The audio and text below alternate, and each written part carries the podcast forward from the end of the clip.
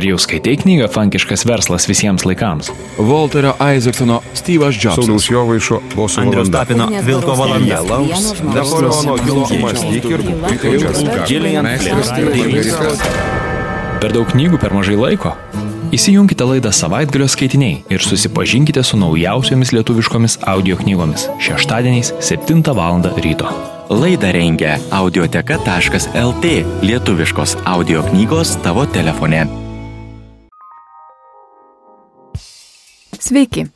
Šiandien laidoje savaitgalio skaitiniai Napoleon Hill audio knyga Mąstyk ir būk turtingas. Šią audio knygą įgarsino Audrius Čiaikauskas. Knygos autorius tvirtina, kad kiekvienas žmogus, kuris suvokia, kas yra pinigai, nori jų turėti. Tačiau paprastas noras turtų net neš. Turtų sukrauna aistringas apsėdimas, kuris neleidžia pralaimėti. Pasak Napoleon Hill, visų didžiųjų pergalių sėklos glūdi žmogaus prote. Deja, pralaimėjimai ir nesėkmės prasideda taip pat ten. Taigi dažniausiai žmonės suranda daugybę priežasčių, kodėl jiems gali nepasisekti. Audio knyga Mąstyk ir būk turtingas skirta padėti surasti tas priežastis, kurios padeda siekti sėkmės. Knygos autoriaus nuomonė - didžioji dalis žmonių nesuvokia, ko jie iš tikrųjų siekia ir kokie yra jų tikslai. Taigi audio knyga puikiai tinka šiandieniniam skaitytojui, kuris pavargęs nuo nuolatinio streso ieško atsakymo į klausimus, kokios yra profesinės sėkmės paslaptys.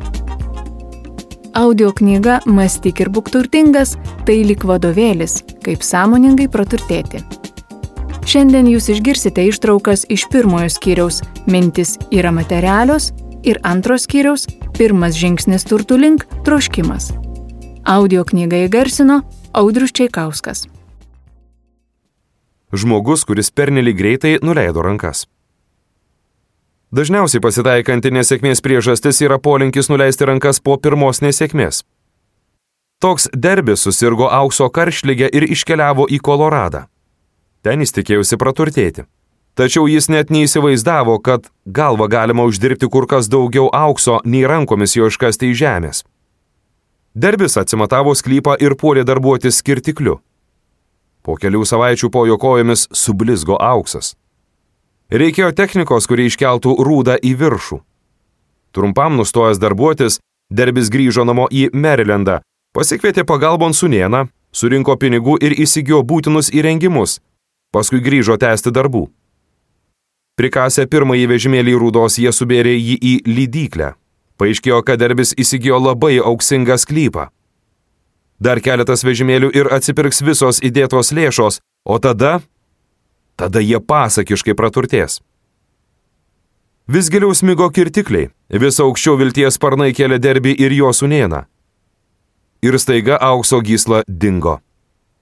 Ieškotojai stengdamėsi rasti aukso pėdsakų, teberausiai žemę, tačiau visos pastangos buvo bergždžios. Pagaliau jie nusprendė atsisakyti šio sumanimo. Nekvaršindamas savo galvos derbis už keletą šimtų dolerių pardavė visą įrangą vienam naudotų daiktų supirkėjui ir išvyko namo. O tas žmogus nusprendė pasinaudoti žinovų paslaugomis. Jis kreipėsi pagalbos į kalnakasybos inžinierių. Pastarasis paaiškino, jog buvę sklypo savininkai patyrė nesėkmę vien dėl savo neišprusimo. Jie nežinojo, kad pasitaiko tuščių gyslų. Inžinierius apskaičiavo, jog už kelių pėdų nuo tos vietos, kur derbis ir jo sunienas nustojo kasti, turi būti tikroji aukso gysla. Ten ją ir rado. Naudotų daiktų supirkėjas uždirbo milijonus dolerių. Jis neišsigando, nusprendė pasitarti su žinovu ir laimėjo. Jis laimėjo, nes nenuleido rankų. Nuo nesėkmės iki sėkmės tik vienas žingsnis. Po kiek laiko derbis jaunesnysis praturtėjo, supratęs, kad karštą troškimą galima paversti auksu. Jis su kaupu kompensavo savo nuostolius. Derbis niekaip negalėjo pamiršti milžiniškų turtų, kurie anasik išslydo jam iš rankų vien todėl, kad jis per anksti pasidavė. Jis vis savo kartodavo. Tuomet pasidaviau, bet daugiau niekada taip nesuklysiu. Tegul žmonės sako man ne. Kai pasiūlysiu apsidrausti, aš nesitrauksiu. Derbis ėmėsi draudimo verslo ir uždirbo milijonus. Už savo tvirtybę jis turi būti dėkingas anuomet gautai pamokai, kai jį, ieškantį aukso, buvo apėmusi neviltis. Pirmiau nei žmogų aplanko sėkmė, jis būtinai susiduria su kliūtimis. Kartais jį ištinka nesėkmė. Kai žmogus pralaimi tam nepasirengęs, jam atrodo, jog lengviausias ir protingiausias kelias - pasiduoti. Ta daugelis ir daro. Daugiau nei 500 įžymių Amerikos žmonių šios knygos autoriai papasakojo, jog po pralaimėjimo vos už žingsnio jų laukia didžiausia gyvenimo sėkmė. Nesėkmė yra ironiška gudruolė turinti itin savitą humoro jausmą. Ji džiugauja, kai žmogus suklumpa prieš pat tikslą. Vaikas, kuris pamokė suaugusį jį. Iškart po to, kai derbis su dėde gavo likimo smūgį aukso kasyklose, vienas jų gyvenimo įvykis parodė, jog ne, ne visada reiškia ne. Tas įvykis beje pakeitė visą derbio jaunesniojo gyvenimą. Kartą derbis savo dėdį padėjo malti kviečius sename malūne. Dėdė turėjo didžiulę fermą, kurioje gyveno ir dirbo daug spalvotųjų žemdirbių. Malūno durys buvo uždarytos. Po kiek laiko durys prasivėrė, o pro jų tarpą dirstelėjo maža juodaodė mergytė, vieno žemės nuomotojo duktė. Įėjusi vidun jis taptelėjo prie durų. Atsigręžęs dėdė pamatė vaiką ir piktai paklausė, ko reikia? Mergaitė kukliai atsakė, mano mama prašo duoti jai 50 centų. Neduosiu, atreižė dėdė, eik namo. Taip, ponė, atsakė mergaitė, tačiau net nekrustelėjo. Dėdė dirbo toliau ir net nematė, kad mergaitė vis dar čia. Netikėtai atsigręžęs ir pamatęs ją prie malūno durų, jis riktelėjo. Juk aš tau liepiau eiti namo, tuoj pat. Jei ne, gausi į kailį. Taip, ponė, atsakė mažoji, tačiau nežengė nie žingsnelio. Dėdė numetė ant žemės maišą grūdų, kuriuos jau rengėsi supilti į malyklę. Pakėlė nuo grindų rykštę ir pasuko mergaitės link. Jo išraiška žadėjo jai nemalonumų. Derbis net nustojo kvėpavęs. Jis žinojo, kad dėdė nemoka valdytis tad bijojo tapti nemalonaus incidento liudininku. Kai dėdė buvo visai greta mergaičiukės, to įžengė link jo ir šaižiai riktelėjo. Mano mamai reikia 50 centų. Dėdė sustingo. Akimirką tylėdamas poksojo į mergaitę, tada padėjo rykštę ant grindų. Kyštelėjo ranką kišenėn ir ištraukęs 50 centų, ištiesė juos mažai prašytojai. Paėmusi monetą mergaitė nenuleisdama akių nuo suaugusio vyro, kurį nugalėjo, palengva ėmė tipenti durų link. Kai ji išėjo, dėdė klestelėjo ant dėžės ir įsmeigė akis į langą. Taip jis sėdėjo maždaug dešimt minučių. Matytis bandė suvokti, kaip tokia maža mergaitė sugebėjo jį sutramdyti. Jaunasis derbis, jo sunienas, taip pat turėjo apie ką pamastyti. Pirmą kartą gyvenime jam teko regėti, kaip bejėgis vaikas pamokė suaugusį žmogų. Kas privertė dėdę pasiduoti? Kokia stebuklinga jėga padėjo mergaitį valdyti padėtį? Šis ir kiti klausimai nedavė derbiai ramybės, tačiau tuo metu jis nesugebėjo į juos atsakyti. Atsakymus derbis sužinojo vėliau. Keista yra tai, kad šį pasakojimą išgirdau toje pat vietoje, kur visa tai vyko - senajame malūne taip ir ne. Šią istoriją derbis prisiminė tuo metu, kai mes apžiūrinėjome apipelijusį seną malūną. Baigęs pasakoti, jis paklausė. Ką jūs apie tai manote? Kokią keistą galę buvo įvaldžiusi mergaitė, kad jis sugebėjo sutramdyti mano dėdę? Atsakymą rasite šioje knygoje. Jis išsamus ir detalus, ir jis padės visiems pažadinti savyje tą jėgą, kuri kitados padėjo mūsų aprašytai mergaitiai. Skaitydami būkite budrus ir jūs sužinosite, kas tai yra ta jėga. Įvaldę ją, tapsite nenugalimi. Gal esmę suprasite iš pat pirmo skyriaus, o gal kiek vėliau, kai skaitysite tolesnius skyrius. Gal ji jums toptelės vienos vienintelės idėjos pavydalo, o gal konkrečių veiksmų planu. Gal prisiminsite praeities nesėkmės ir panorėsite atgauti visą, ką kitados buvote praradę. Užsiminiau derbį, kur slypi tos jėgos ištakos. Man pasirodė, jog jis akimirksniui prisiminė 30 metį trukusią draudimo agento patirtį. Tuomet Derbis prisipažino, kad už sėkmę šioje srityje jis dėkingas malūne gautai pamokai. Derbis tarė, kas kartą, kai potencialus klientas jau ketina nesutikti su mano pasiūlymu, aš pamatau mergaitę iš dėdės malūno.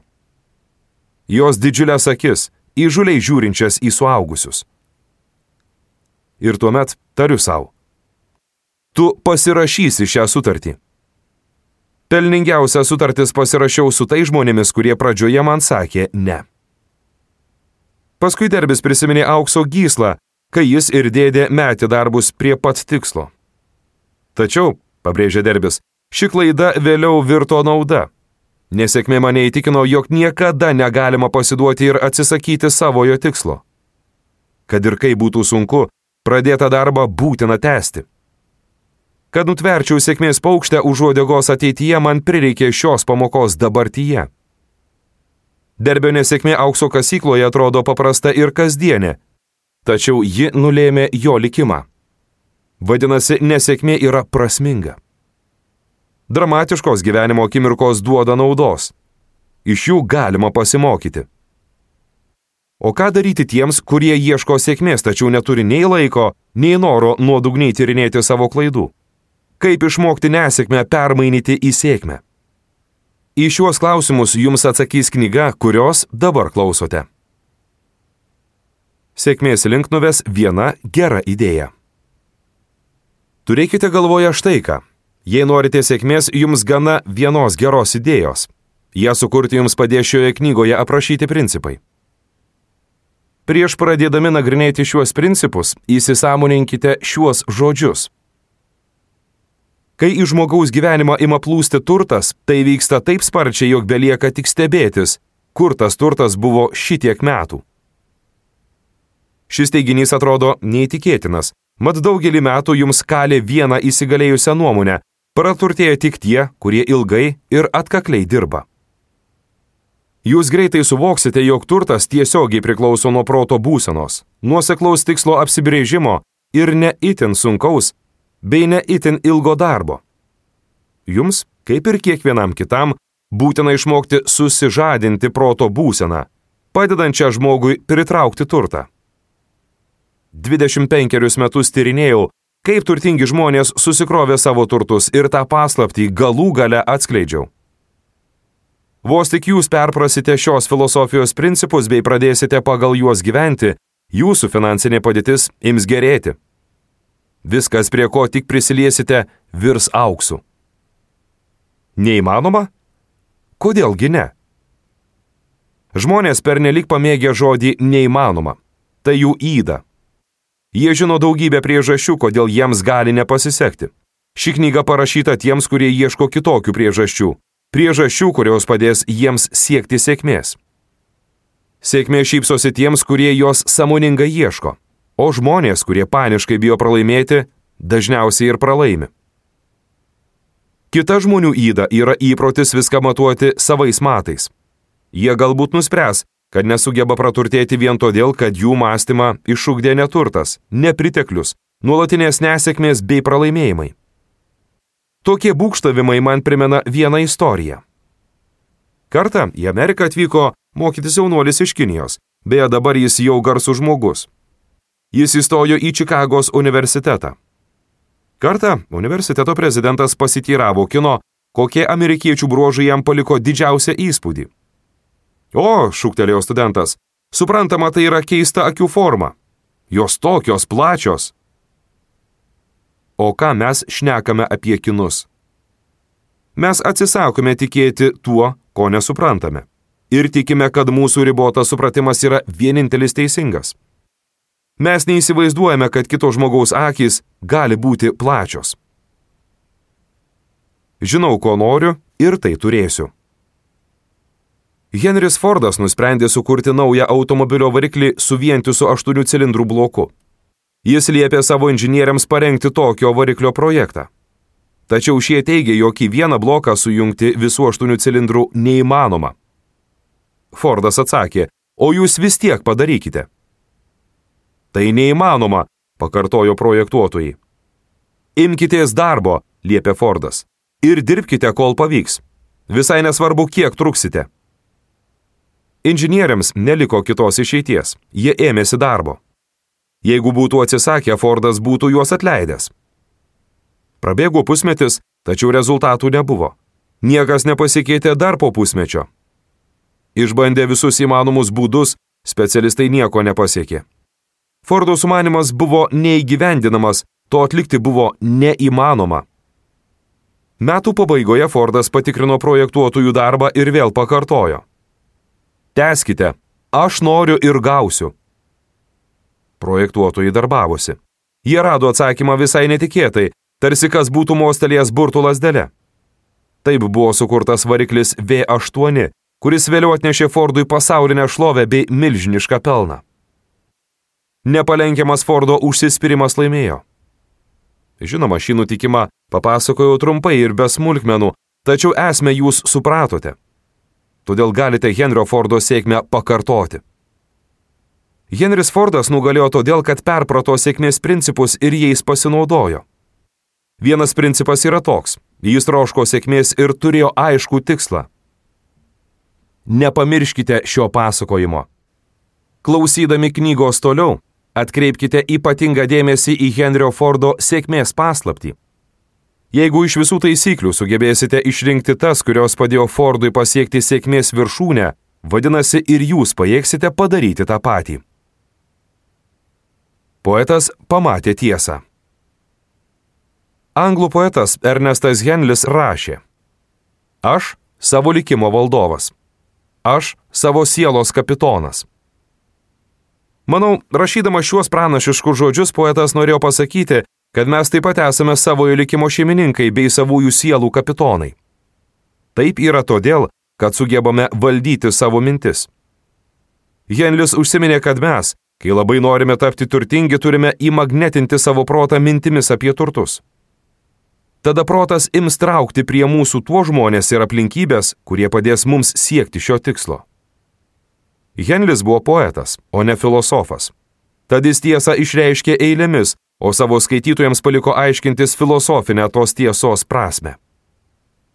Tiesa, pagaliau atsiskleidė.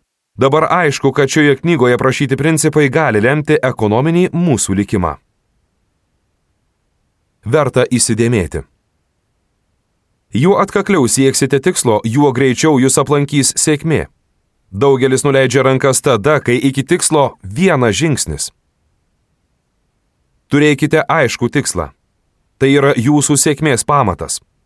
Net ir mažas vaikas gali įveikti didelį vyrą, jei tik turės didelį tikslą. Būkite kaip Henris Fordas, užkreiskite savo tikėjimų žmonės ir tai, kas ką tik buvo neįmanoma, taps tikrovę. Pirmas žingsnis - turtų link - troškimas.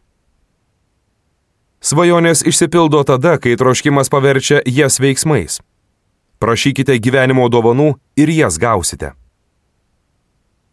Kai Edvinas Bernsas prieš daugelį metų į Storindžę, Naujojo Džersio valstiją, išlipo iš prekinio traukinio, jis atrodė tarsi valkata. Tačiau mąstė kaip karalius. Edvinas Bernsas ėjo į Tomo Edisono biurą o jo protas įtemptai dirbo. Bernsas mąstė, kaip jį sutiks Edisonas. Svarstė, kokiais žodžiais prašyti, kad mokslininkas suteiktų jam galimybę įgyvendinti slaptą įtroškimą, tapti didžiojo išradėjo verslo partneriu. Bernso troškimas nebuvo viltis. Tai nebuvo menka užgaida. Tai buvo visa ką pranokstanti aistra. Jo troškimas buvo aiškus ir tiksliai apibrėžtas. Po keliarių metų priešais didįjį išradėją stovėjo tas pats Edvinas Bernsas, o jo karštasis troškimas jau buvo virtęs realybę. Jėdu dirbo drauge. Svarbiausia Bernso gyvenimo svajonė išsipildė. Kai nėra kur trauktis. Prabėgo penkeri metai, kol Bernsui pasitaikė galimybė. Visiems jis buvo tik mažas Edisono mašinos sraigtelis. Tačiau pats Bernsas jautėsi kitaip. Jis laikė save išradio porininku ir galvojo apie tai kiekvieną dieną, kiekvieną minutę. Tai puikus tikslaus ir kryptingo troškimo pavyzdys. Bernsui pasisekė tik todėl, kad labiau už viską pasaulyje jis troško būti Edisono verslo partneriu. Jis aukojo viską dėl to tikslo. Kol svajonė galų gale virto tikrovę. Bernsas net negalvojo, kad gali būti kitaip. Jis kartojo savo, yra tik vienas tikslas, kurį aš noriu pasiekti. Tas tikslas - dirbti su Edisonu. Aš kursiu ateities planus, kurie padės man pasiekti tai, ko trokštų. Jis nepasiliko galimybės atsitraukti. Buvo tik du keliai - arba laimėti, arba žūti. Tokia yra Bernso sėkmės istorija. Jis sudegino savo laivus. Kitados gyveno karo vadas, kuriam kartą teko priimti ryštingą sprendimą, įdant nugalėtų gausesnį priešą. Jo būriai laivais atplaukė į priešo šalį. Vos tik kariai išnešė savo ginklus ir amuniciją į krantą, karvedys įsakė laivus sudeginti. Prieš kovą jis kreipėsi į savo karius. Jūs matėte, kaip mūsų laivai virto dūmais. Jeigu nelaimėsime, namo negryšime. Mes turime tik dvi galimybės - pergalė arba mirtis. Jie laimėjo. Kiekvienas norintis laimėti privalo ryštis sudeginti laivus ir atkirsti visus kelius, kuriais galėtų atsitraukti. Tik tai pasiekiama tokia proto būsena, kuri garantuoja pergalę. Kiekvienas žmogus, kuris yra pakankamai brandus, kad suvoktų, kas tai yra pinigai, nori jų turėti. Tačiau paprastas noras turtų net neš. Tai turi būti aistringas, nenugalimas troškimas, tikras apsėdimas, iš kurio kyla visi veiksmai ir tikslai. Tik toks troškimas neleidžia pralaimėti. Tik toks troškimas sukrauna turtus. Šeši žingsniai, kurie troškimą pavers auksu. Tai būdas, kaip troškimą galima paversti piniginiu ekvivalentu. Jį sudaro šeši aiškus ir praktiški žingsniai. Pirmas. Nusistatykite tikslę pinigų sumą, kurią norite gauti. Negana pasakyti, noriu turėti daug pinigų. Skaičių būtina nurodyti tiksliai. Tam yra svarbi priežastis, ją išnagrinėsime vėliau. Antras. Nuspręskite, ką galite atiduoti mainais už tuos pinigus. Už viską reikia sumokėti savo kainą. Kitaip nebūna. Trečias. Nurodykite tikslę datą, kada jūs ketinate gauti tuos pinigus. Ketvirtas. Sudarykite apibriežtą veiksmų planą, kaip įgyvendinsite savo troškimą ir tuoj pat pradėkite. Nesvarbu, ar esate tam pasirengę ar ne. Veikite netidėliodami. Girdėjote ištrauką iš Napoleon Hill audio knygos Mąstyk ir būk turtingas, kurią įgarsino Audrius Čiaikauskas. Knygos tesinio galite klausyti savo išmaniuoju telefonu parsisiuntę programėlę Audioteka LT. Čia buvo laida savaitgalio skaitiniai ir aš, Ernesta Platukytė. Laidą rengia audioteka.lt lietuviškos audio knygos tavo telefone.